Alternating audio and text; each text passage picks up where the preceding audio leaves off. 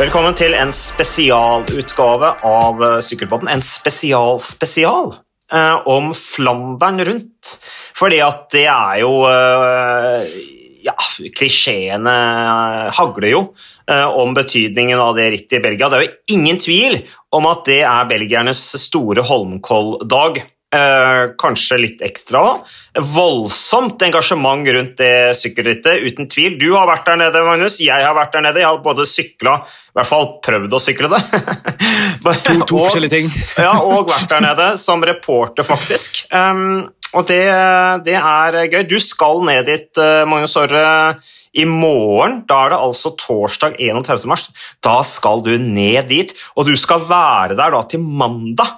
For du skal holde ut hele søndagen, være med og bidra til å informere om både herrerittet og damerittet. Vi starter jo da sendingen 9.50, tror jeg det var. Eller er det 9.55? Jeg tror det er 9.50 sharp på TV2 Hovedkanalen.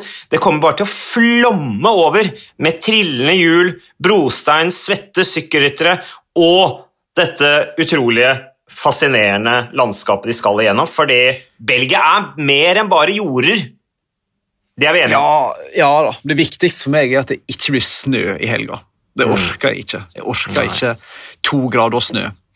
Eh, drit i rytterne. Det viktigste er at vi som dekker det, har det varmt og godt. Eh, Ja. Men jeg leste i um, Rollør, som er jo litt sånn her um, Hipsterblad.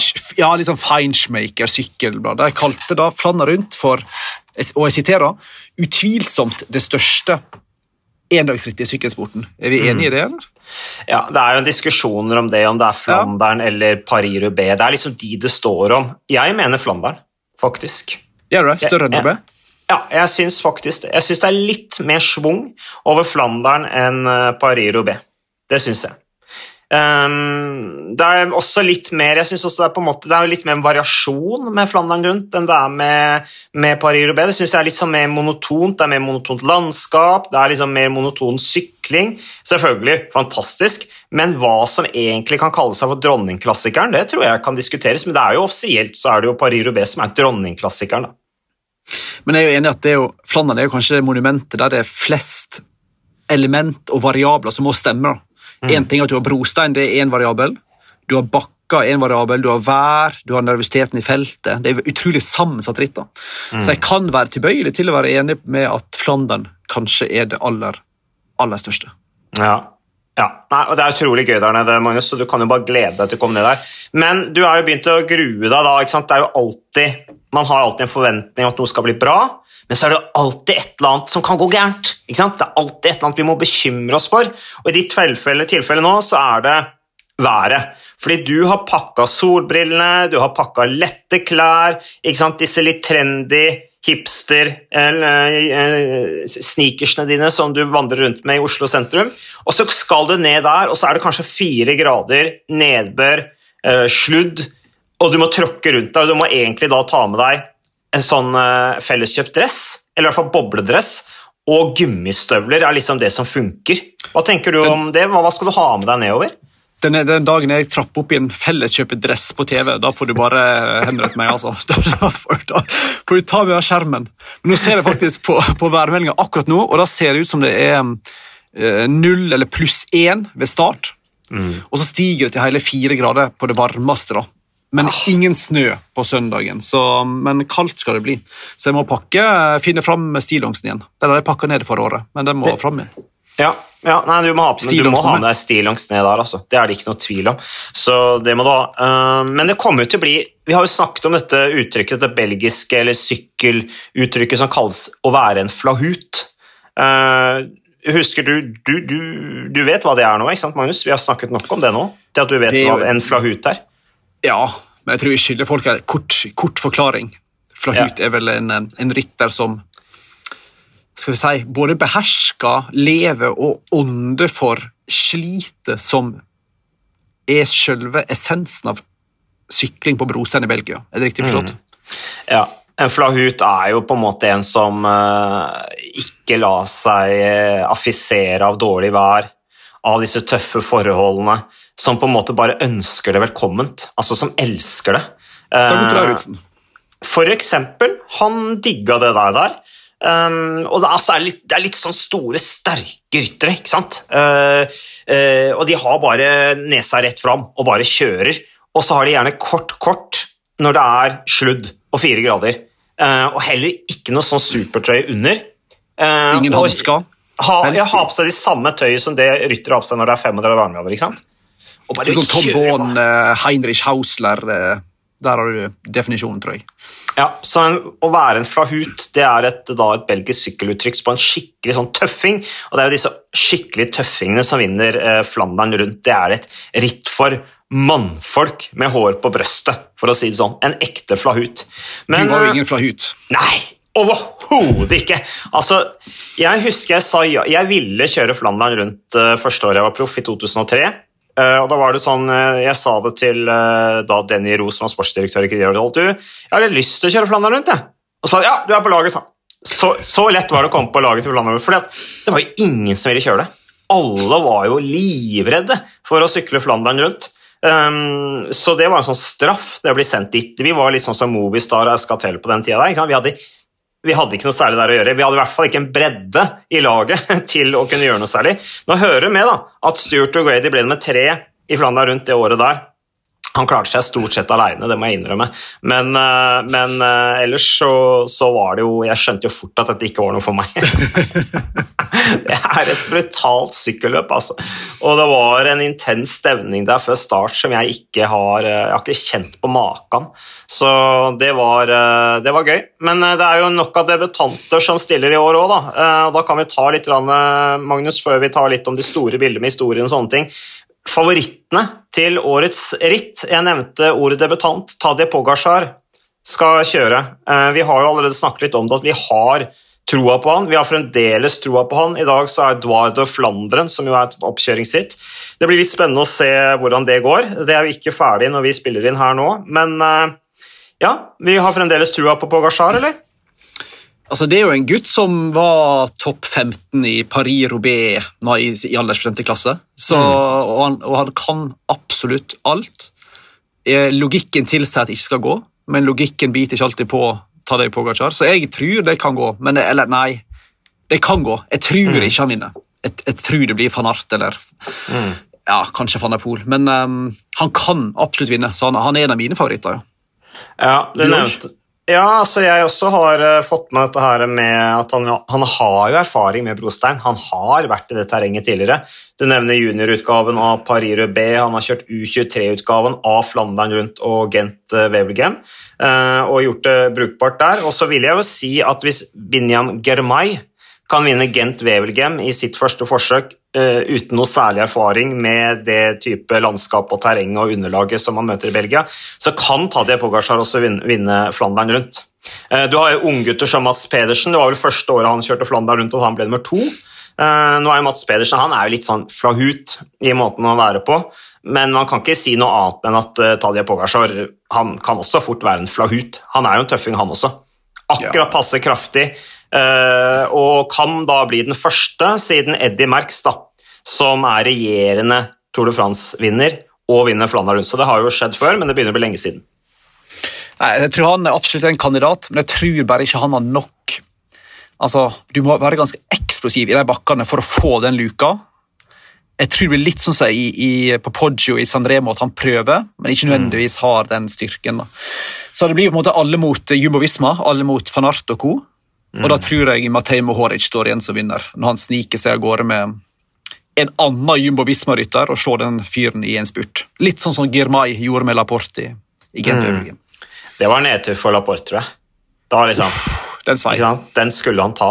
Ja. Så det var nok litt en litt sånn ja, Vi får håpe at det ikke har uh, tatt, slåttene helt ut sånn mentalt. Men uh, når de er tilbake til UAE og Tadej Pogasjar, hva vet vi om laget deres? Vi vet at Vegard Stake Laingen kjører. Han er jo en han blir jo på en måte, han er jo i kategorien til Tim de Klerk. Nå jo, kjører jo ikke Tim de Klerk pga. at han har hatt hjerteproblemer. Han er tilbake igjen i dag, riktignok, i, i, i uh, dette her Dvardo Flanderen. men han kjører jo ikke Flandern rundt. Men Traktoren, altså. Tim de Klerk. Men de har jo også Matheo Trentin, men jeg er jo usikker på om Matheo Trentin er i form, med tanke på at han velter ganske stygt i, i Paris-Nice og pådro seg hjernerystelse.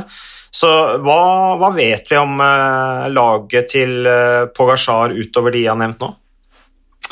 Jeg Vil tro Mikkel Bjerg er der. Ja. Motoren til å holde dette i gang eh, ganske lenge. Sannsynligvis Ja, to. han eh, Da er de to Tipper- motorer. Ja, jeg vil også tippe at vi får en tredje der, kanskje i Oliviero Troia. Dukker Mm. fort opp der. Store italieneren. Men, men, men, ja, jeg ikke. unnskyld at jeg avbryter deg, men blir ikke det litt mange sånne Tim de Klerker? Eh, I da Du har Laengen, Mikkel Bjerg og Troya. Eh, jeg, jeg tenker at Alle de tre har på en måte litt de, de samme egenskapene. De, de, er altså de er i hvert fall blitt i ferd med å bli utvikla til å bli ryttere som sitter og banker på i front i timevis, men så er de ikke der når det, skal være, når det virkelig skal skape en utskillelse. Eh, så trenger jo også Pogasjar til å hjelpe seg med det. Uh, og Det var kanskje også litt utfordringen i Milan San Remo, selv om de for så vidt gjorde et helhjerta forsøk uh, opp, uh, opp ikke Poggio, men hva heter den der, Cipressa før det. Men, men liksom jeg, jeg ser Gavira stå på laget, men det kan vel ikke stemme, vel?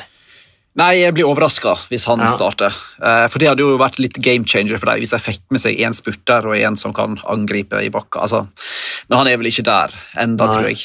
Eh, Så det blir kanskje en, en, en Oliveira-gutt, da. Det blir nok sikkert uh, Mm. all in. Pogacar. Husk, det er 20 km lenger i år enn det var i fjor. Eh, hvis du bare skal gå all in på han, bare beskytte han maks, så Mm. um, Det har kanskje ikke veldig mange andre kort å spille på. All den tid Trentin virker til å være litt sånn på gang, men ikke helt der enda. da. Nei, og det sier jo Trentin også, at han, han er usikker på formen.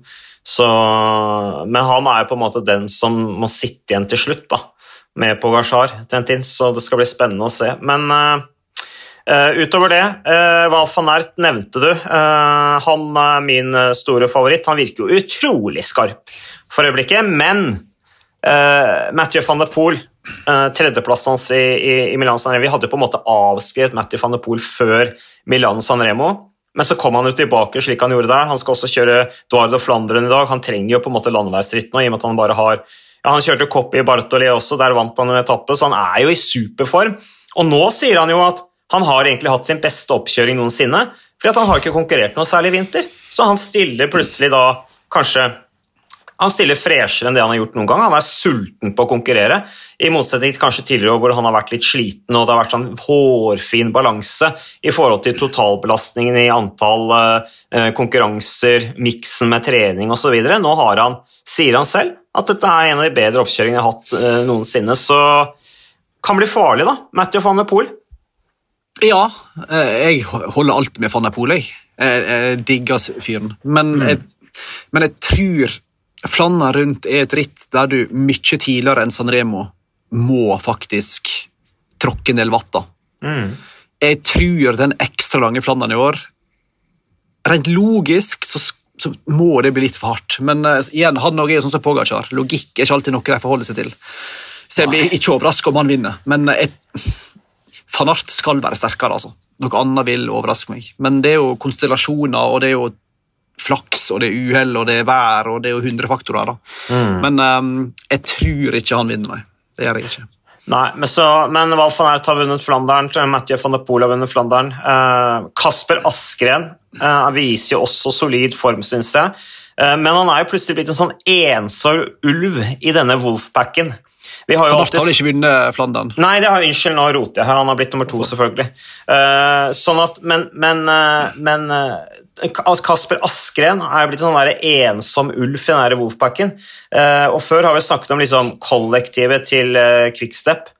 Men det virker ikke å være der i samme grad som det var tidligere, så Kasper Askren må liksom klare seg litt på egen hånd. Da blir det litt mer sånn bingo, føler jeg. Absolutt. Og de skylder jo litt på eller med god grunn skylder på litt sånn u, dårlig tima, sykdom og skade etc. Men det har jo nesten alle lag hatt, da. Uh, så de er ikke akkurat alene der. Uh, Lampert litt på gang. Stybar virker ikke til å være på gang. Uh, så jeg tror ikke det blir noen suksess for dem i helga. De er større try på ja, en Jasper Stauben eller en kanskje en Stefan King. Det er jo det er jo det ryttere som har sett sterke, sterke ut gjennom nesten hele vårsongen her, som vi skal eh, holde et øye med. altså. Ja, Trekk Segafredo ser bra ut, syns jeg. Stoiven, de har Mats Pedersen. Uh, de har uh, Quinn Simmons, som jo kjørte bra i, i Terreno Adriatico. Hva vet vi om Markus Holgaard? blir han å se på laget der, eller? nei. nei, det blir han ikke. Så det er dumt. Men vi har jo, um, når vi nevner kan vinne og, på her, så er jo ikke um, jeg vil, jo, jeg vil jo slenge med Rasmus Tiller i en topp ti-kamp her. Mm. Ja. Vil du? Ja, det vil jeg absolutt. Rasmus Tiller uh, har kjørt såpass bra og har så mye topp ti-plasseringer i brosteinsritt på de veiene hvor de skal kjøre nå. Han har jo fått en masse erfaring uh, fra det området der og liker det. er jo in, Han er jo flytsonen. Han gjør det bra. Um, så definitivt, og vi har jo sett at outsidere har klart å vinne store ritt uh, tidligere, så hvorfor ikke? Uh, det kan være at de store gutta ser på hverandre, og så smetter han av gårde. Um, han har en ganske god spurt også, um, så, og da passer det bra, Magnus, uh, at vi rett og slett hører hva Rasmus Fossum Tiller uh, sa da jeg snakket med han i går. Rasmus uh, Fossum Tiller, du er jo selvfølgelig på plass i eh, Belgia, og eh, eh, det er, noen, det er en hektisk periode, og det er store oppgaver som, som venter. Først, hvordan er beina før den store søndagen i Flandern? Nei, beina er veldig bra. Jeg følte meg veldig sterk på de to siste, eller egentlig de siste løpene jeg har kjørt, og spesielt da Eter og Gent var veldig positivt. Så ja, jeg er klar for, eh, for søndag, ja. Hva tenker du, hva er, eh, hva er, ambisjonene dine? Hva er det du vil være fornøyd med der? Tenker du noen resultater, eller eh, med de resultatene du har så langt denne sesongen, så et litt sånn enkel matematikk tilsvarer jo at du burde kunne sikte deg inn på en topp ti-plassering, i hvert fall?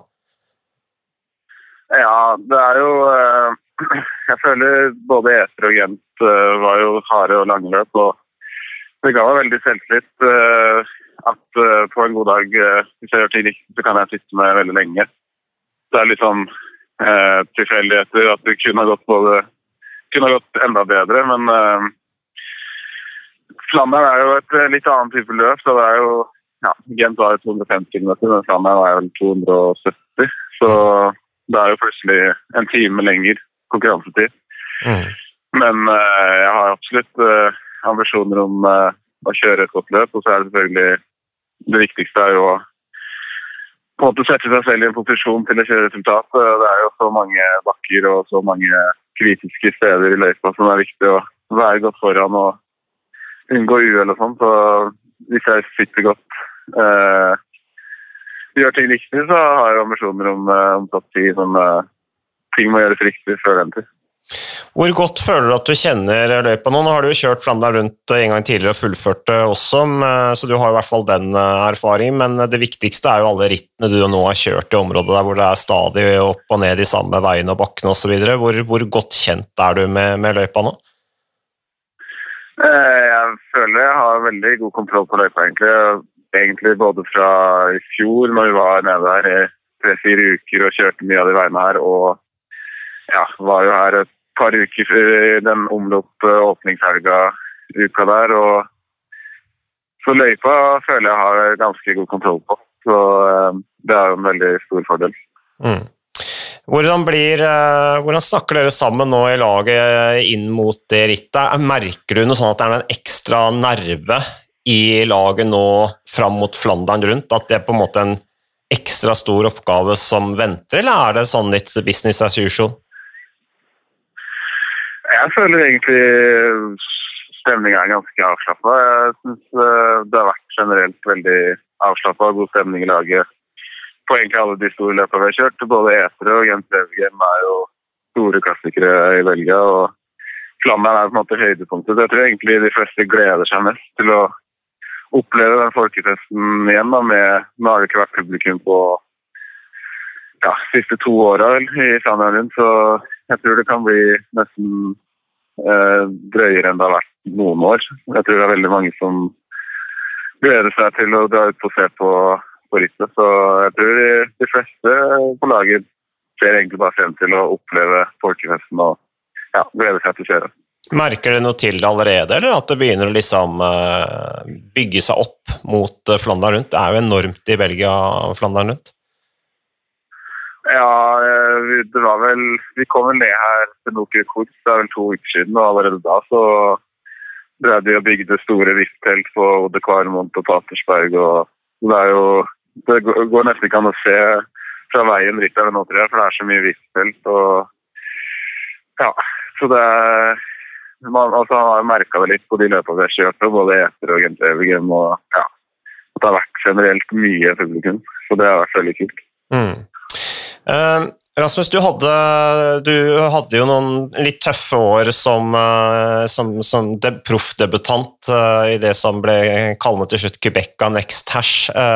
nå plutselig, fra i fjor i UnoX, så er du en helt annen Du er i flytsonen på, på, en helt annen måte. Du får jo ut potensialet ditt mye mer enn det du fikk vist de første to årene du var proff. Eh, hvordan vil du på en måte beskrive den eh, overgangen, eh, og hva på en måte betyr det at du plutselig er i et lag hvor du Eller hva er årsaken til at det går så mye bedre nå i UnoX enn det det gjorde i, i det forrige profflaget du var i? Eh, nei, det er jo egentlig altså, Sånn rent fysisk så tror jeg at jeg har vært på det nivået som jeg har vist de to siste åra egentlig hele veien. Da har jeg vært med den Kanskje slitt litt med å finne min rolle i Dimension Data og kanskje ja, vært eller var veldig lojal og gjorde det jeg fikk beskjed om. Mens uh, i Unex har jeg fått på en måte litt mer muligheten til å kjøre for egne resultater. Og ja, når jeg, fått, når jeg fikk de, de, første resultatene i UNX, så bygde det enormt selvtillit. Og ja, jeg, jeg føler jo det å komme inn i et lag som du trives veldig godt i, uh, har jo hatt veldig veldig stor betydning for min del. Uh, ja, jeg merker det både på treningssamlinger og når jeg skal ut og reise, uansett hvilket løp det er, så er det sånn at man gleder seg. Og da har man jo funnet uh, det laget man skal være på. Mm. Hvor tenker du blir det mest på til søndagens Flandern rundt? Hva, hvilke kilometermerke er det du virkelig må sitte foran og være på hugget? Eh, nei, det som har vært veldig kritisk de siste åra, som ofte er veldig viktig, er jo inn Ode Kvarmont andre gang. Da, da, kjører man Patersberg første gang og Koppenberg og ja, mange av de hardeste bakkene. og Det er ofte der løpet begynner. Eh, de store favorittene begynner å kjøre, og ja, feltet feltet strekker opp, så det er jo egentlig selvfølgelig viktig parti før Rode Kvarmoto, men det er liksom Rode Kvarmoto andre gang som, som, er det aller viktigste partiet, som jeg ser det. Mm. Og til slutt, eh, Rasmus. Én eh, ting er samspillet dere gutta imellom underveis i rittet, men hva med sportsdirektøren? Hvor viktig er sportsdirektøren i et ritt som Flandern rundt? Med tanke på rittradio osv.? Ja, nei, sportsdirektøren er veldig viktig. Han forteller oss altså Vi kan jo løypa, men, men Gino som skal gjøre løypa, han, han, kan jo fortelle oss uh, litt sånn når vi begynner å bli slitne, hvor viktig det er å pushe seg selv til å ligge foran inn i forskjellige bakker. fordi det er jo sånn man kan litt sovne på når man er veldig sliten, hvis man er i en litt mindre gruppe f.eks. Og han kan pushe deg til å ta de ekstra plassene, sånn at du klarer å være med den gruppa som går over neste bakketopp, enn at du enn at du blir sittende langt bak og ryker av fordi at tre-fire foran deg ikke klarer å henge med. Så det er mange eh, sånne ting som man kanskje ikke tenker over. Altså, selvfølgelig løypa er jo viktig at man får en liten oppdatering på, men man kan jo fortelle oss hvor vi har folk med hjul, eh, folk med flasker, eh, ja, og komme motiverende og litt sånn taktiske taktisk hjelp når det, når det virkelig eh, er helt i toppen for rytteren. Så er, han er veldig viktig for, for laget og, og rytterne. Bare nå med de resultatene du har, Rasmus, føler du nå at disse store rytterne eh, som du har rundt deg, masse sterke navn, eh, mange av de er store forbilder også på unge ryttere, føler du nå at de veit hvem du er, at de kjenner deg igjen, at de er klar over deg på en, eh, eller har blitt veldig klar over deg i løpet av disse to sesongene du har hatt i UnoX? Eh, Det er alltid vanskelig å si, men eh, jeg tror nok noen vet hvem jeg er. i hvert fall. Jeg fikk jo, fikk jo eh, eh, gratulasjon av eh, han ene på Quickstep eh, på Gent Wevelgem etter eh, fredagen. Og ja, jeg tror egentlig både laget og, eh, og, og sånn blir jo litt gjenkjent, og de er jo klare over at vi har kjørt bra og at vi er sterke, men Eh, jeg tror ikke liksom Wout van Art og de aller beste ser på meg som noe trussel, men samtidig så tror jeg kall, kall det Jasper Støyven og Greg van Almat og sånn vet hvem, hvem jeg er, for at jeg har vært der noen ganger nå i siste, men uh, tror ikke de frykter meg, det tror jeg ikke, men uh, jeg tror uh, samtidig at de ja, veit at jeg kan på en god dag. Det var eh, Rasmus Fossum Tiller. Han uh, Hyggelig gutt. De er veldig hyggelige gutter, disse her gutta. Um, tok seg tid til en god prat. Det er bra, det. Uh, han kjører ikke Eduardo Flandern i dag. Han, uh, han, han, han veit det som formen er bra. Han. han trenger ikke å kjøre noe mer ritt. Han kan Han og bare, van bare vente til søndag. er de gutta, vet du. Og de, de kommer til å være der ute på de landeveiene i dag og trene. ikke sant? Og så kommer van Aert den ene veien, og så kommer Rasmus til den andre veien, så bare, og så vinker de til hverandre. ikke sant? Sånn som disse proffene gjør der ute. Allo, altså, ut og trene, liksom. Så det blir kult. Eh, men eh, han sier jo også det der at For jeg, spør, jeg spurte han jo eh, med utrolig intelligente spørsmålet mitt da, at Tror du liksom at de har begynt å legge merke til deg, eller er du fremdeles en fyr som liksom går litt under radaren? Og han sa jo det at han tror kanskje at noen av gutta begynner å legge litt merke til ham nå. De har sendt ham melding og sånn at ja, dæven, bra kjørt. Så, og det er jo ikke nødvendigvis noen fordel da, hvis du skal vinne som en outsider, at de veit hvem, hvem du er, og at de er klar over at du kan sykle fort. Men, Nei, eh, man må bare ta det som et kompliment. da. Klart, Alle veit hvem han er. Eh, klart Sportsdirektørene i best laget veit hvem han er. Så, altså, så sterke resultat han har hatt over tid nå, så veit de godt hvem han er. Så, men jeg tror eh, topp ti absolutt er mulig, ja. Det hadde vært, eh, hadde vært et eh, virkelig gjennombrudd.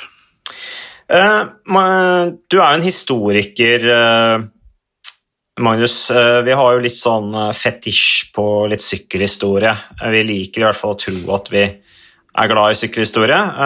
Og hvis vi ser på norske prestasjoner i Flandern rundt gjennom historien, så Du nevnte da Gotto Lauritzen som en flahut. Han ble jo nummer tre i 1989, da han kjørte for eh, 7-Eleven. Da var han bak Herman Frisaa og Edvig van Hooydonk, altså onkelen til Nathan van Hooydonk, som sykler i Jumbo Visma. Um, Eddie, Eddie Bossberg. i Eddie Bossberg. Vet du. Rittet var 264 km langt, og vinnertiden var 7 timer og 1 minutt. Og da Gotto var da en del av en gruppe som stakk på Berendris, da, 30 km før eh, mål. Og da Gotto han klinte også til i mur, kapermur, eh, og prøvde å gå solo, men ble hentet av van Hooydonk, som gikk kontra med et avgjørende soloangrep på Bossberg. 12 km før mål, og da klarte ikke Dagotto da å hente van Hooydonk. eh, Og man mente at van Hooydonk hadde stor fordel av motorsykkelen. Vi husker jo i gamle dager? Det, var jo, det var jo den luftbroen foran rytterne med, med motorsykler. De mest grelle eksemplene er jo fra Milano Sanremo, men det var sikkert noen tilfeller av det i, i eh, Flandern rundt også. Alexander Kristoff husker vi, han vant jo, eh, han vant jo Flandern. Han har jo en ekstrem rekke med resultater der. Altså, han eh, ble 18 i fjor. Startet i sin første Flandern rundt eh, i 2012. Da ble han nummer 15. Så har han fjerde, femte, første, fjerde, femte, sekstende og to tredjeplasser. Hva tror vi om eh, Alexander Kristoff, eh, Magnus? Ehm, jeg syns han så uforskamma pigg ut i Gent Wevelgem. Som var altså da på søndag, som er ei uke før Flandern. Jeg synes Han hang bedre med i Kemmelberg enn jeg har sett på en god stund. Til tross for at han hadde feber og var sånn litt sånn utfor eh, noen par dager i forkant. Så det kan jo være at den der eh, famøse superkompensasjonen hjalp, hjalp han litt da. Om det hjelper i Flandern, kan godt hende. Jeg syns han så veldig sprek ut. Eh, overraskende sprek ut. Så jeg eh, ser ikke bort at han får en ny topp fem resultat. Hvis, selvfølgelig hvis konstellasjonene er riktige og gunstige for han, da, så gjør det samler seg. Det, er jo det, Mm. Det kommer litt an på hva Jumbo Visma legger opp til, og hva de får til da, i finalen. Ja, ikke sant? Nå snakker vi om Jumbo Visma, sånn som vi snakket om uh, The König Quickstep eller Quickstep Alfa Vinyl i gamle dager. Liksom, hvis de bare klarer å stå imot eh, kollektivet til Jumbo Visma Nå er det de som liksom er sjefslaget. Så, ellers så syns jeg jo også Bahrain Victorious har et sterkt lag. Da. Eh, Du nevnte Vi har jo snakket om Moritz som en, som en, eh, en mulig vinner av årets eh, Flandern rundt. Det ville ikke vært noen stor overraskelse, men du har jo også sånn som Dylan Tøynes. Som, som har kjørt bra bl.a. i Catalonia rundt, ble fem på siste etappen der. Er opplagt i form. Heinrich Hausler, som jo kan dette gamet, er veldig bra. Unge Fred Wright, som er, er en god syklist. Hardingen Jonathan Milan, italieneren som ble upopulær i UAE-tor fordi han eh, skubba til eh, folk. Det er jo for så vidt en god egenskap i det feltet der i posisjonskampen at du er litt sånn frykta i, i feltet. Men tilbake til nordmenn, Magnus. Eh, Kurt Asle Arvesen også, som er sportsdirektør i, eller sjefssportsdirektør for herrelaget til UnoX, han har en sjuendeplass fra 2008. Tor Hushovd, han vant spurten i 2009. Eh, nei, han skulle Det var da han velta. Unnskyld, nå roter jeg. Eh, han har aldri helt fått til Flandern rundt, eh, stakkars Thor. Um, Han skulle han, vinne spurten. ja, også, han, bak Heinrich Hausler, som jo, som jo var lagkameraten hans, som, som ble nummer to, og så velta han. Eh, Han har en 14.-plass som beste i 2006, og så har du Knut Knutsen. Har en 13.-plass, det var i 1974. Jostein Wilman har blitt med 35 i 1982. Edvard Boasen Hagen han eh, har fullført ni av ni deltakelser, men aldri liksom fått noe skikkelig resultat. Jeg tror Edvard har en 17.-plass som beste eh, i 2013. Amund Grøndal Jansen har, eh, kjører jo ikke i år, dessverre. Sliter med Amund Grøndal Jansen. Han eh, har også fullført alle utgavene, men eh, har en 43.-plass som beste. Og så har du Rasmus Hossum da, som debuterte i 2020.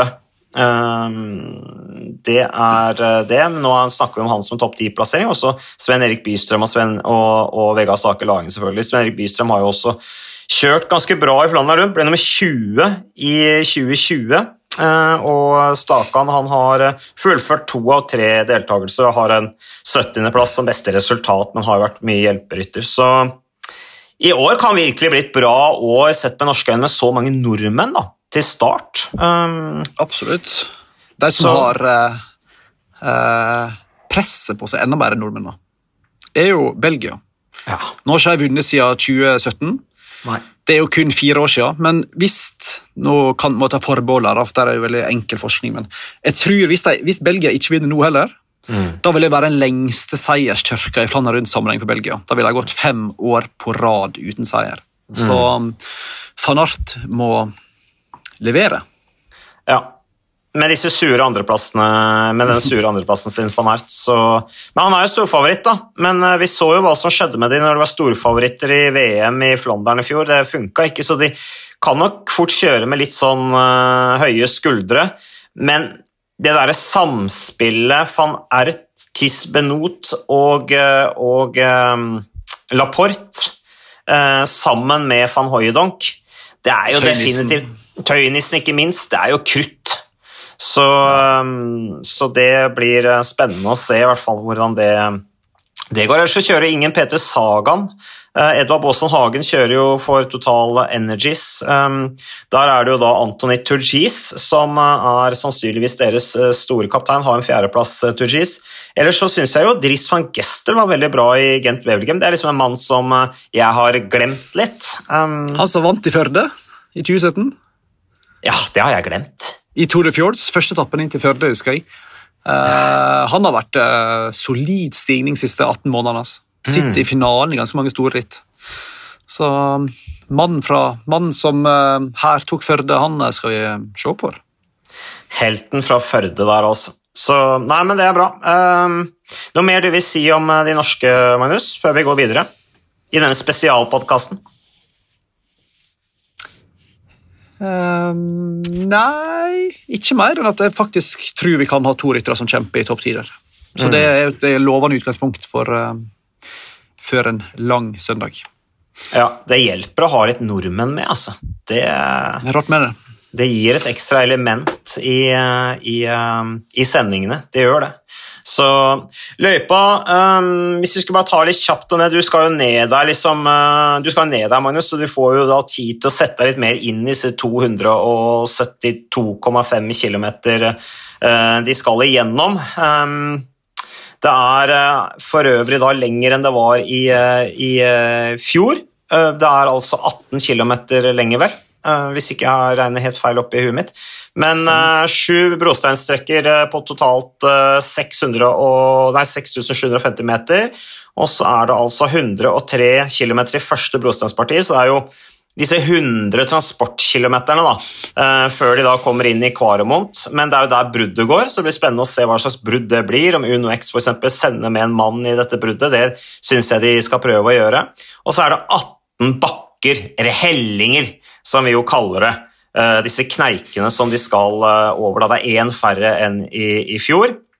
Eh, og i 2021, altså i fjor, så var de da over Kattenberg som første helling, da, etter nesten samme da, eller det var etter 102 km, da, hvor de var over Kattenberg i fjor. Så 50 det er- kroner på at uh, Widerberg sitter i bruddet. Ja, ikke sant? Altså for Widerberg er bekrefta at skal kjøre. Så det, han er i form. Han eh, har med seg masse gode opplevelser av Catalonia rundt. Så mm, Ellers så er det jo, eh, som eh, Rasmus Fossum tidligere sa, det er jo på en måte i andre gangen opp Kvaremont at det virkelig begynner å skje. da. Det er da gutta kaster jakka, for å si det sånn. Tror du da Tobias Halland Johannessen kan henge med? Jeg er veldig spent på hva han leverer på søndag. altså. Jeg også det. Han kjørte jo omløp et newsblad, kom seg greit igjennom det, syns jeg. altså. Eh, Så han har det i seg. Og det som er så ålreit med han der unge Hallen Hansen, til Tobias, det er jo det at han, han virker som på en måte, han har så åpent sinn til det han skal være med på.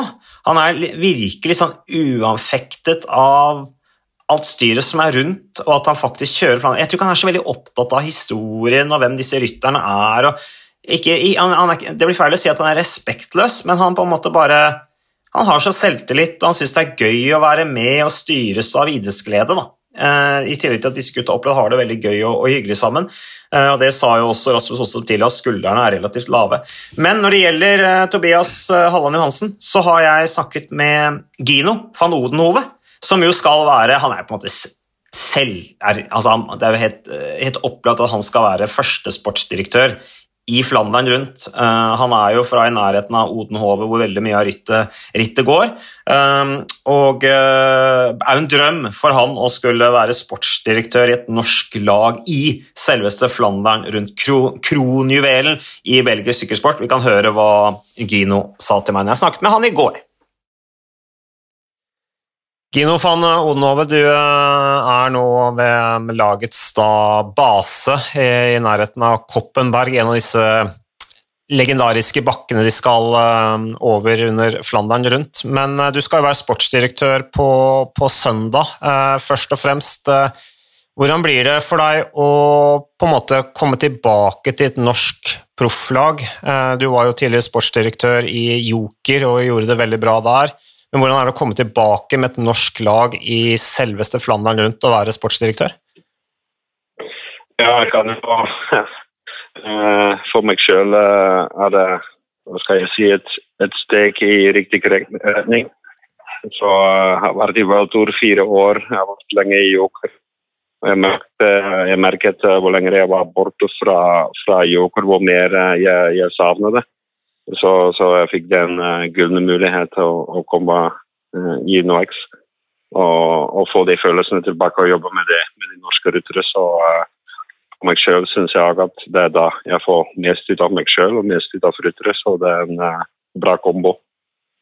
Er det, er det naturlig at det er du som er sportsdirektør i, eh, under akkurat Flandern rundt? Var det på en måte helt sånn opplagt at det skulle være deg? Nei, jeg skal ikke si at det er opplagt. Vi har jo andre dyktige eh, men vi begynner jo å få et ganske travelt program, eh, så vi er akkurat ferdig med Catalonia. Så, men uh, f.eks. Som, som Kurt og Stig og de andre, så det uh, Jeg syns naturligvis uh, personlig at det er kult at jeg kan gjøre det, men uh, det kunne vært hvem som helst. Mm. Men Gino, det er litt dårlig linje der du er, men for de som ikke hører deg skikkelig. Men angående forberedelsene Jeg snakket med Rasmus Fossum tidligere, tidligere i dag, um, og først og fremst hva, hva for, jeg mener jo at han, og det sier han selv også, at det er realistisk med en topp ti-plassering. At han absolutt i hvert fall kan ha ambisjoner om det. Hva, hva tenker du om det? Ja, nå har vi sett det i de andre klassikere fra Nils og, og Harald Baker og, uh, og uh, Gent Wevelgem hvor langt Rasmus kan komme. Så den tråden den, den er der hos oss òg. Uh, naturligvis. Uh, vi kommer i et løp som var 270 km langt uh, på, på, søndag. Så, og det er noe, noe nytt, egentlig. Så der vet vi ikke. Går vi litt i ukjent terreng, men det er jo det samme for, for, for de andre.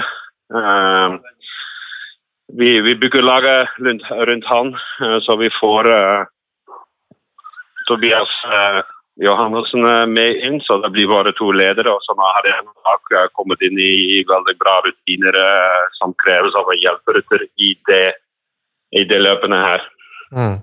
Så ja, eh, det er ikke urealistisk med topp ti-plassering.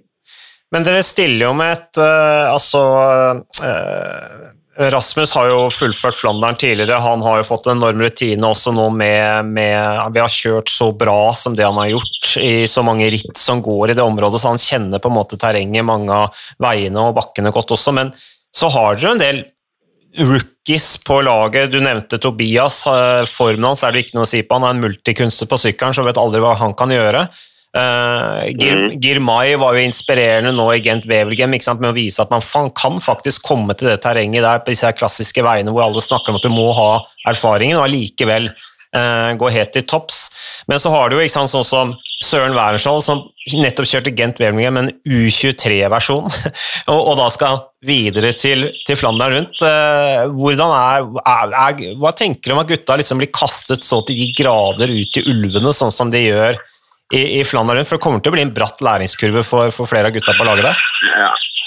ja. det gjør det nok, og det er jo egentlig et litt bevisst valg. så vi, vi, vi, vil jo ha en av de sterkeste klassikkerlagene i fremtiden. Eh, altså, Vi får den muligheten å kjøre Flandern nå. Vi vet, vi vet uh, Dette har blitt diskutert med våre trenere og, og andre sportsdirektører, men vi ser jo at den generasjonen er jo på et, på et ganske høyt nivå. Mm. Og Det er ikke sånn at vi forventer av Søren at han skal vinne Flandern. Han skal lære mye og han skal bidra, fordi det kommer en dag at det er andre ryttere som skal bidra til han. Så det er ikke dumt å sette dem i den posisjonen nå. Uh, føle litt på den hardheten og, og, og føle på, på, akkurat det. Hva det betyr å være ett lag i sånn type løp. Mm. Så jeg tror vi kommer ganske langt med det.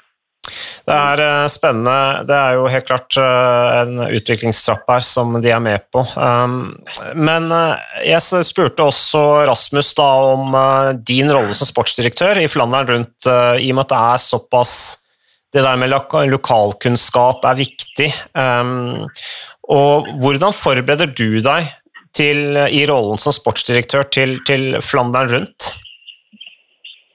Jo, det er sånn litt to deler. Så det, det første er som du sier, er jo kunnskap, kunnskap om terrenget.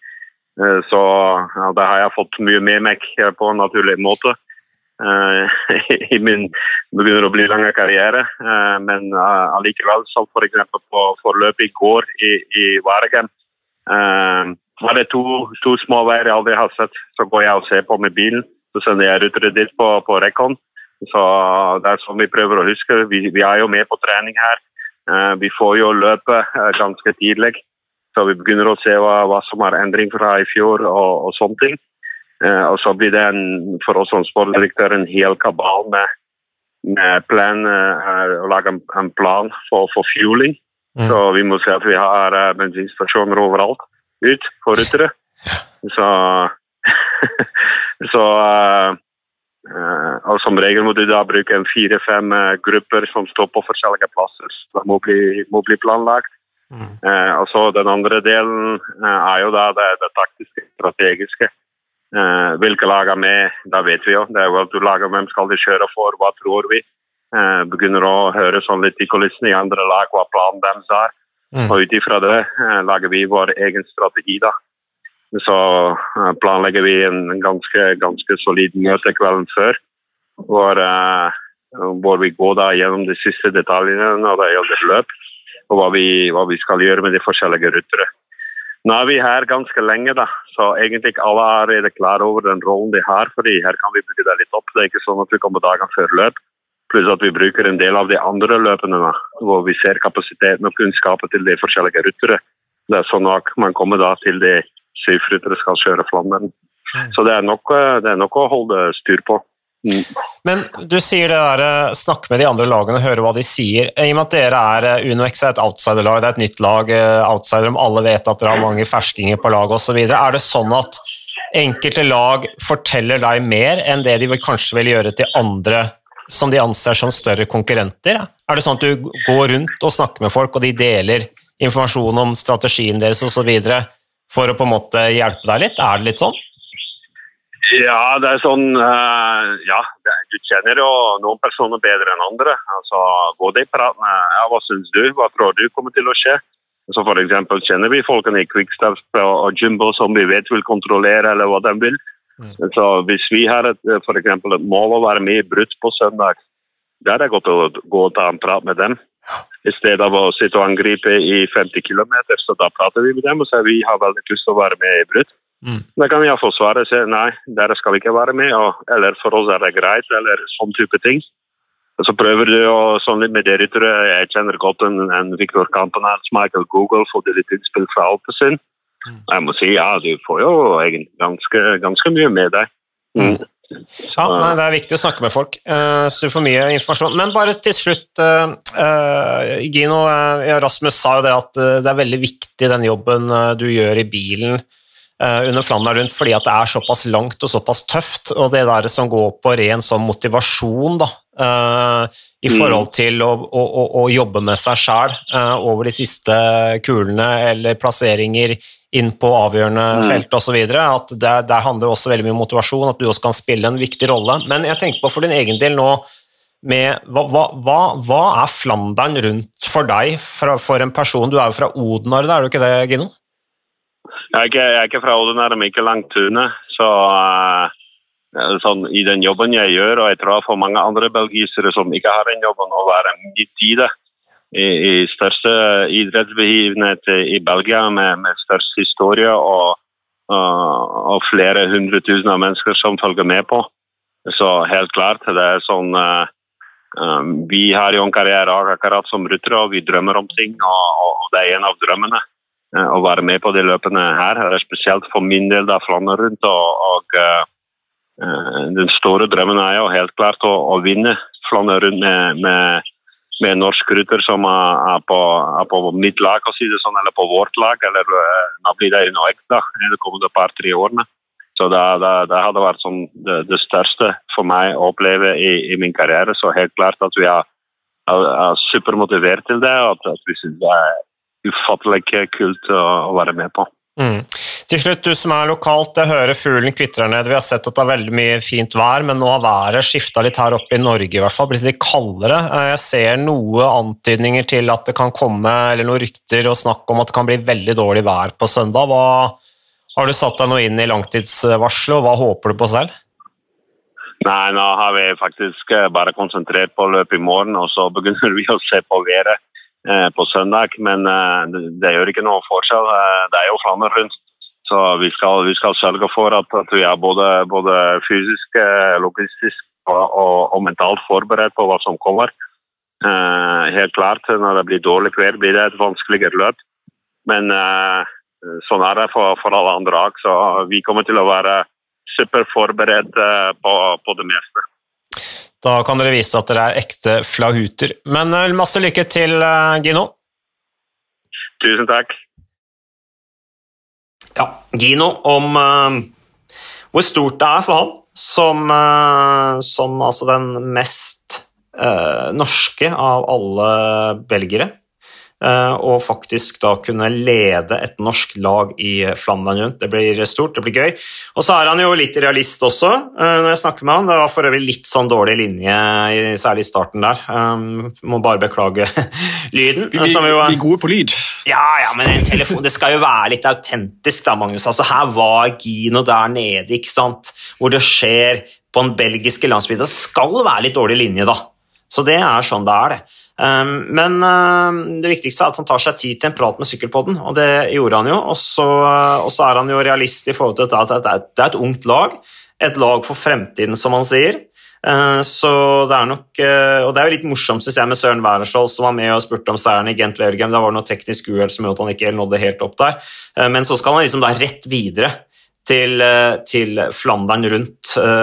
Ikke U23-utgaven, men proffutgaven. Um, og det blir jo sikkert litt sånn Litt overgang, men moro allikevel. Uh, det er langt, det blir vel kanskje den største utfordringen for disse gutta her.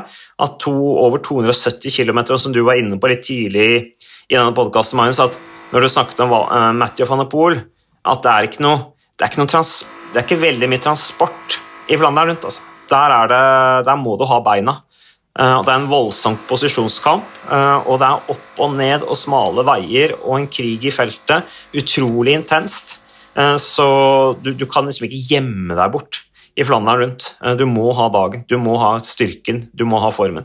Så det blir, det blir spennende å følge med på. Så det er bare å glede seg til. Hva er det du gleder deg mest til, Magnus, når du er der nede? Hvis, vi, la oss si at været blir veldig fint, da.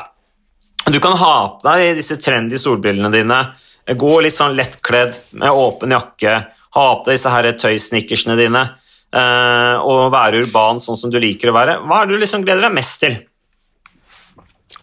Jeg går jo ofte på sånn epleslang, ikke epleslang, altså går på sånn shoppingrunde i disse her sykkelbodene etter dette. Mm. De selger jo på alle sykler i Belgia så selger de utrolig masse sånne gamle capser og gamle bilder og drakt. sånt. Mm. Så der legger jeg alltid igjen litt penger. Så Ja. jeg skal prøve å utvide caps-samlinga i år.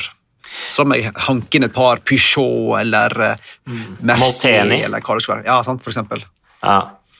Men du skal ikke kjøpe deg en sånn der topplue, sånn Molteni som topplue, sånn som de har på alle sykkelcrossrittene, sånn som amerikanerne er blitt så glad i. Når det er sykkelcrossritt i USA, så går alle med sånn der topplue, sånn Molteni eller Peugeot eller hva det måtte være. da. Sånn ordentlig nostalgi.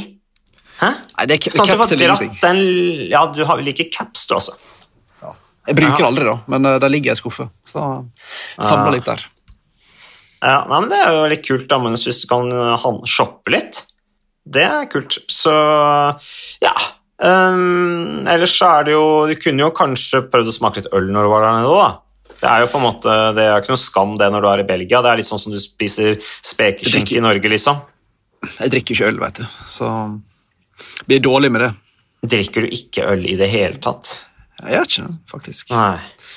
Nei, Men det blir jo spennende også å se på um, Det som er kult med Flandern i år, er jo at som var det jo sist om jeg husker riktig, så er det jo når gutta går i mål, så er det jo fortsatt Damene kommer jo i mål en time ish seinere.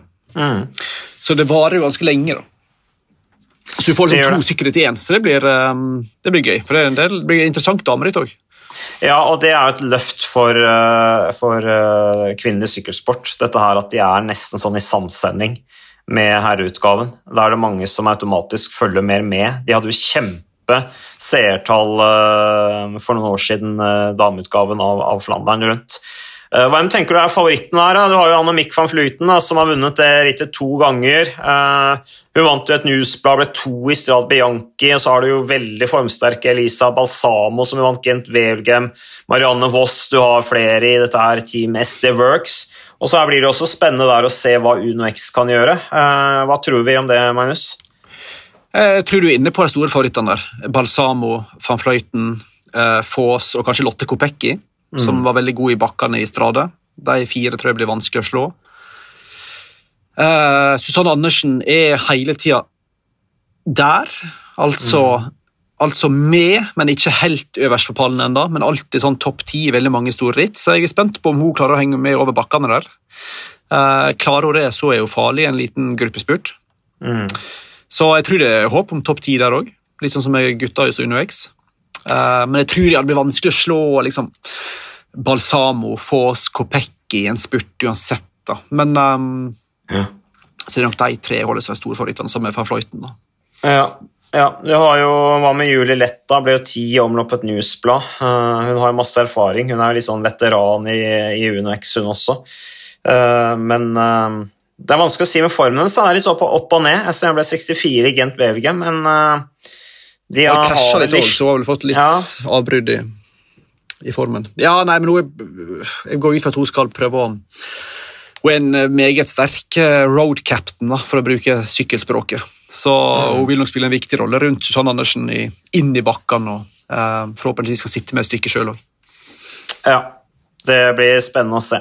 Um, ellers, Magnus, er det noe vi bør legge til med, med Flandern rundt? Uh, det jo første, ble jo første arrangert i 1913, uh, så det sier jo litt om at det er et uh, sykkelritt med, med mye historie. Vi skal kanskje ikke ta hele runden med knivingen eller eh, rivaleriet mellom disse avisene, eh, disse politiske eh, motsetningene som eh, var mellom disse to avisene i forhold til eh, dette her å skulle starte eget sykkellag. Det hadde hett Folk, som på en måte eh, var et etablert sykkelløp, og så skulle da Flandern Rundt konkurrere med det. Det er jo ikke noe tvil om hvilke ritt som har blitt størst. Eh, Flandern Rundt, som for øvrig også ble arrangert under andre verdenskrig med hjelp fra de, eh, de tyske okkupantene, og ble jo derfor også ganske upopulært eh, da rittledelsen i, i Flandern rundt rett etterpå. Eh, Rittdirektøren ble vel faktisk arrestert, men ble til slutt frifunnet eller renvasket, fordi at det viste seg at han hadde hjulpet mot, eller da Altså, hva er det heter for noe? Motstandsbevegelsesfolk eh, i kampen mot, mot tyskerne. Men eh, det er jo en eh, artig historie, i hvert fall. Så det er Vi kan se om vi får snakket litt om det også under sendingen på søndag. Er det noe du vil legge til, Magnus? Nei, jeg eh, gleder meg Ja, til det vi har blitt enige om er det største enlagsrittet i sykkelsporten. vi har Det det, altså. Vi har det. Vi har det. Endelig har vi blitt enige om noe. Ja, jeg syns vi bare er mer og mer enige. Det er kanskje litt sånn skummel tendens. Men, men, vi får leve med det. Eh, tusen takk for at du eh, lyttet på uh, Sykkelpodden. eh, og takk for at du stilte, Magnus, i en ekstremt hektisk eh, dag. Eh, masse god tur ned til, eh, til Belgia Takk, og, takk. og Flandern. Og så kan du jo ønske meg lykke til med en sju timer lang eh, sykkelsending på søndag også, hvis du viser såpass storhet at du Masse lykke til, eh, Mats. Ja. Det her er jeg eh, sånn pass, ja, litt tiltro til at du får til på, en god måte. Takk, takk. Vi snakkes jo sikkert underveis på sendinga der, Magnus. Da får du jaggu levere solide rapporter fra der det skjer, nemlig Flandern rundt på søndag.